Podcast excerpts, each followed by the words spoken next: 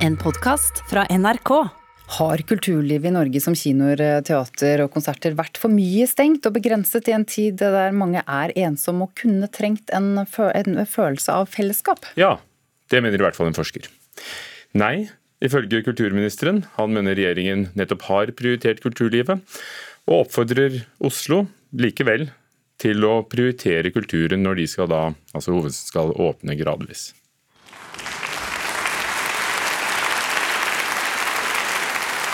Går du på en konsert eller en teaterforestilling, så kan du gå dit alene. Og det at du opplever noe sammen med de andre, samtidig med de andre, selv om du ikke kjenner dem, det gir deg på en måte anledning til, til å oppleve den, den fellesskapet likevel. Aksel Tjora er professor ved Institutt for sosiologi og statsvitenskap ved NTNU. Han har forska mye på interaksjon mellom mennesker og hva det gjør med oss. Og forskningen hans viser følgende. Når folk først på er på en eller annen kulturell hendelse, som en festival eller en konsert, så, så viser det seg at det er det å være sammen med andre som den store, gir den store betydningen. Tjora viser også til anerkjent forskning gjort ved University College London før pandemien, som viser at en person som jevnlig benytter seg av kulturelle tilbud, har 32% lavere risiko for å utvikle depresjon etter at man fyller 50 år. Dette er helt uavhengig av kjønn, helse, formue, utdanning og hvor sosial personen var i utgangspunktet. Jeg tenker at eh, når korona slo til eh, i mars eh, i fjor, så er det lett å forstå at det ble en slags panikkstemning å stenge ned veldig mye med en gang. Men Tjora mener for mye har vært for stengt for lenge. Over tid så er det kanskje en litt overreaksjon akkurat på kulturfeltet, da. Det er klart, Kultur har stor betydning for folks uh, mentale helse. Men kulturminister Abid Raja mener ikke at kulturlivet har blitt nedprioritert av regjeringen under pandemien. Med unntak av den perioden fra uh, slutten av uh, mars til trinn 1, så har kulturen som sådan ikke blitt stengt ned av regjeringen. Men det har vært selvfølgelig lokale sterke begrensninger mange steder, som f.eks. Oslo, hvor kulturen har vært stengt ned helt. Og kulturministeren gikk ut i Avisa Oslo forrige uke og ba byrådsleder Raymond Johansen om å i større grad prioritere gjenåpning av kulturlivet i Oslo. Når Oslo skal gjenåpne, og Oslo skal jo også gjenåpne, så håper jeg at også byrådet eh, prioriterer eh, kultur eh, på lik linje med andre næringslivsaktører. Men Synes du at de gjør det i den gjenåpningsplanen som nå foreligger? Det tenker jeg er noe kultur Eh, det tror jeg at det er viktig at eh, spørsmålene eventuelt besvares av eh, byråden selv. Kulturbyrådet i Oslo, Omar Sami Gamal, sier til NRK at det vil bli justeringer i gjenåpningsplanen i Oslo etter innspill fra bl.a. kulturlivet. Til kulturministerens utspill svarer han følgende. Nei, Jeg tror det er viktig for kulturministeren å huske at vi har en tett dialog mellom nasjonale helsemyndigheter og byrådet i Oslo når vi gjør uh, vurderinger knytta til gjenåpningsplan, knytta til lukking, knytta til veldig mye av håndteringen av pandemien. Sa kulturbyråden i Oslo til vår reporter Christian Inge Bretsen. Psykolog Peder Jøs eh, Kjøss, mener jeg. Velkommen til Nyhetsmorgen. Takk. Er du bekymret over at vi ikke har gått så mye på konsert og teater dette året? Nei, Jeg er ikke bekymra. Bekymra er ikke ordet. Jeg syns um, Det er jo kjedelig, og det er uh, ugreit på mange måter. Men uh, jeg er ikke bekymra for den psykiske folkehelsa som følge av stengte kulturtilbud. Uh, det er jeg ikke. Hvorfor ikke? Nei, fordi jeg tenker at folk klarer seg jo ganske bra. Det er jo det forskningen viser da, om hvordan det har vært i dette pandemiåret. At de aller fleste klarer seg egentlig bra. og når Eh, for de som ikke klarer seg bra, for de som har det skikkelig vanskelig, så er det ikke det at Nationaltheatret har vært stengt som gjør det vanskelig. Forstår jeg det riktig når du mener at psykisk eller mental helse brukes litt feil i denne sammenhengen? Jeg syns det kanskje brukes litt for mye. Det blir sånn at mental eller psykisk helse blir et slags uh, universalargument. At uh, det blir så lett å si psykisk helse uh, om alt mulig. Mens jeg tenker at det ofte er rimeligere å kalle det livskvalitet. Det er jo et viktig skille, og begge deler er viktig. og det er ikke noen eh, fast strek mellom de to heller. Det er jo en glidende overgang. Men eh, det er jo helt klart at stengte kulturtilbud går utover livskvalitet og muligheten til å ha det hyggelig sammen og oppleve mm, interessante ting og alt det der. Men, men et psykisk helseproblem er jo noe annet. Da, da skal det liksom være en del verre da, enn at du går glipp av kino. Når jeg går på teater, så kan jeg ofte få en sånn veldig intens følelse av mening mm. og, og, forstå sammenhenger og liksom føle at jeg, he, altså jeg, får hevet livskvaliteten min. Det er, det er, jo ikke til å kimse av det heller. Det er ikke til å kimse av det i hele tatt. Det er kjempeviktig, og vi bruker jo utrolig mye energi på det også. Vi mennesker er jo kulturelle dyr. Vi, vi, vi, trenger det virkelig. Det er en måte både sosialt å være sammen, men også en måte, nettopp som du sier, da, å skape mening og liksom forstå livet og seg sjøl og, og, sånn. Og det, men, men eh, det, det, er veldig viktig og veldig fint, men det er ikke sånn at hvis det blir borte et år, så blir du psykisk sjuk. Sånn er det faktisk ikke. Men for de som virkelig sliter, så kan vel dette utgjøre en forskjell. Hva vil du si til de som eh, bor alene, som kanskje ikke har klemt noen eller fått annen kroppskontakt på et helt år, og som gjerne skulle sitte tett inntil noen de kjenner på teater, eller noen de ikke kjenner? Ja, det er jo det er jo et litt annet behov, da. Det er jo klart det er sikkert mange som får sine kosebehov dekka i kulturlivet, men, men det er jo egentlig noe litt annet. Eh, det går an å få dekka på andre måter, og det er også fryktelig viktig. Det skal man i hvert fall ikke kimse av. Ja, på fredag la du også frem denne rapporten om den psykiske helsen eh, i befolkningen under pandemien, eh, hvor det var en slags konklusjon om at det kanskje har gått bedre enn vi hadde fryktet. Men mange opplever altså sterkt redusert livskvalitet. og Hva mener du er hovedgrunnen til at folks livskvalitet har blitt dårligere?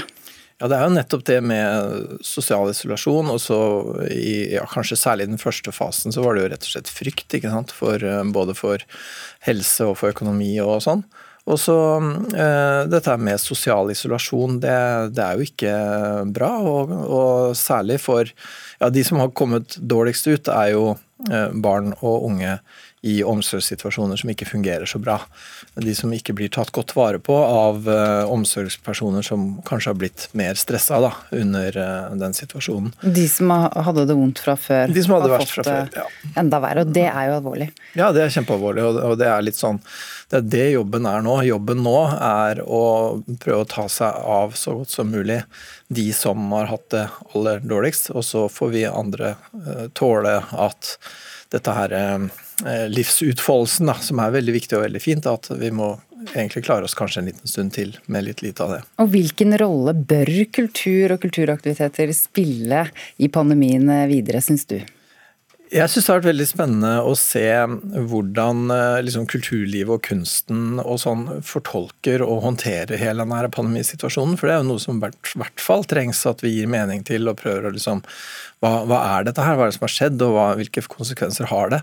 Og det har jo vært noe av kunstens eh, viktigste funksjon alltid. Det er jo å, å liksom gi mening til vanskelige ting. Det er jo ikke bare kosen. Det, det, er virkelig å gripe inn i det eksistensielle. Og det det er spent på å se hva som kommer ut av det kunstnerisk. Kulturen og kunsten kan hjelpe oss å legge puslespillet. Ja, det tror jeg. Takk for at du kom hit, eh, psykolog eh, Peder Kjøs. Eh, du har også ledet arbeidet med det regjeringsoppnevnte ekspertutvalget om nordmenns psykiske helse under pandemien. I dag er det bare litt over to uker igjen til den internasjonale Melodi Grand Prix begynner i Rotterdam i Nederland.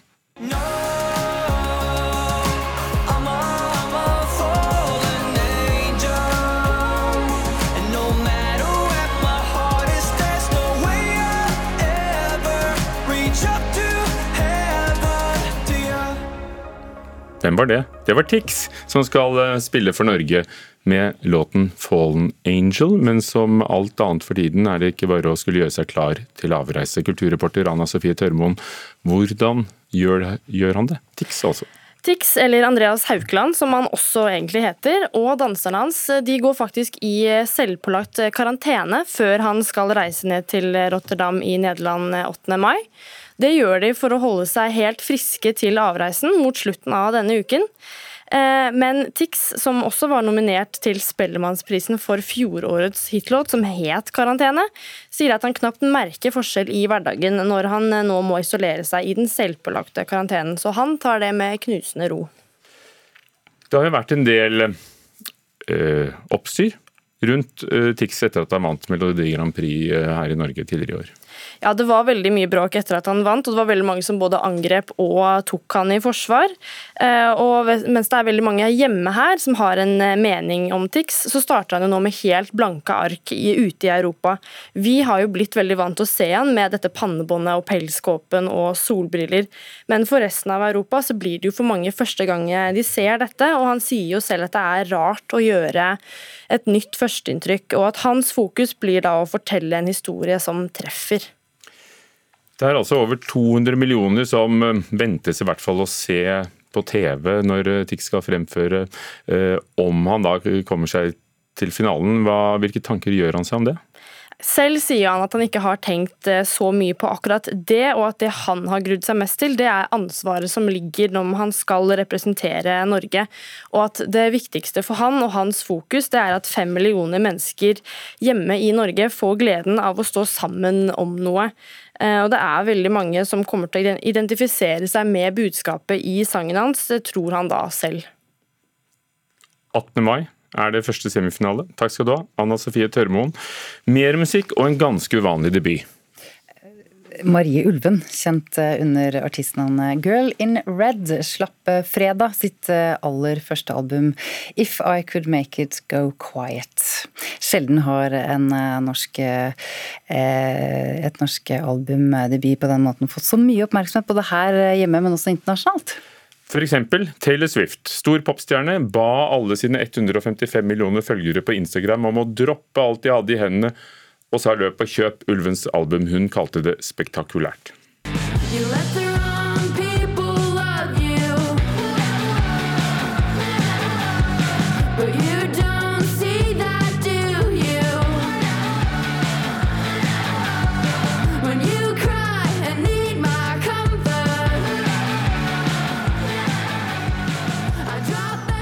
Tittelen ganske enkelt eh, ja, Jeg dropper oversettelsen på engelsk 'You Stupid Bitch'.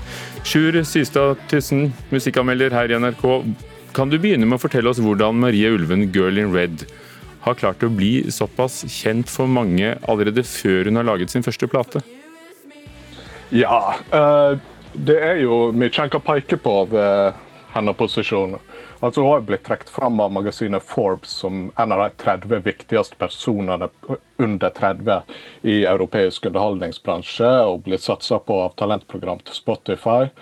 Uh, I tillegg så blir, hun jo, som dere nevner, trukket frem som en yndling av verdensstjerner som Taylor Swift, Chloé Grace Moretz og Billie Eilish. Uh, hun har flere millioner følgere i sosiale medier, og frasen 'do you list girl in red' er blitt et kodeord for å spørre om noen er skeive. Eh, så hun er jo blitt en identitetsmarkør for veldig mange unge. Og kanskje viktigst av alt, så er alt dette uten en særlig kommersiell profil, som egentlig bare understreker hun som låtskriver. Da. Jeg tok sjansen på å sitere deg på at du sier at dette er en bortimot komplett debut. Står du inne for det?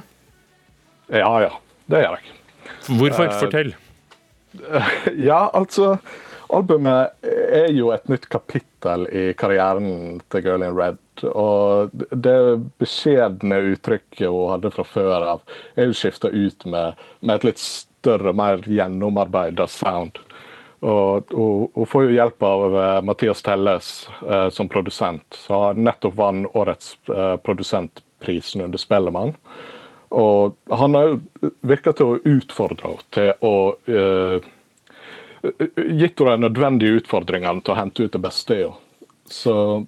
Og så skriver hun jo alt selv. Musikken og tekstene, og, og nettopp tekstene og, og, temaene hun skriver om, har fått mye oppmerksomhet, også ros. Hva kan du si om tekstene? Hva er det vi skal lytte etter hvis vi faktisk skal høre hva hun synger?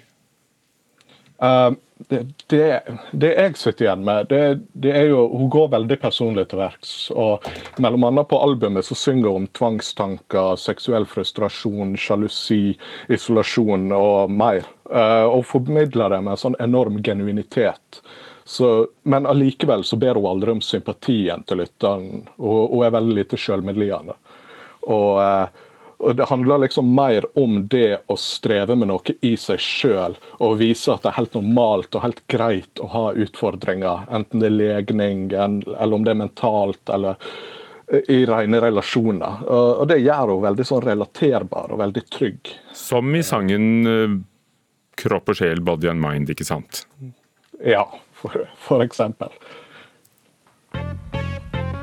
I've been in the deep end since I realized there is a difference between body and mind. I've been at my lowest for the longest time. Litt eh, annet trøkk i denne sangen, Sjur Systatisen. Eh, kan du gi brutalt eh, og nådeløst et terningkast til eh, Jente i rødt, eh, Girl in red? Ja, jeg syns albumet treffer på omtrent alle punkter. Veldig god dramaturgi, holder på interesser, og kvaliteten er generelt veldig, veldig høy. Så det blir en knallsterk femmer fra meg.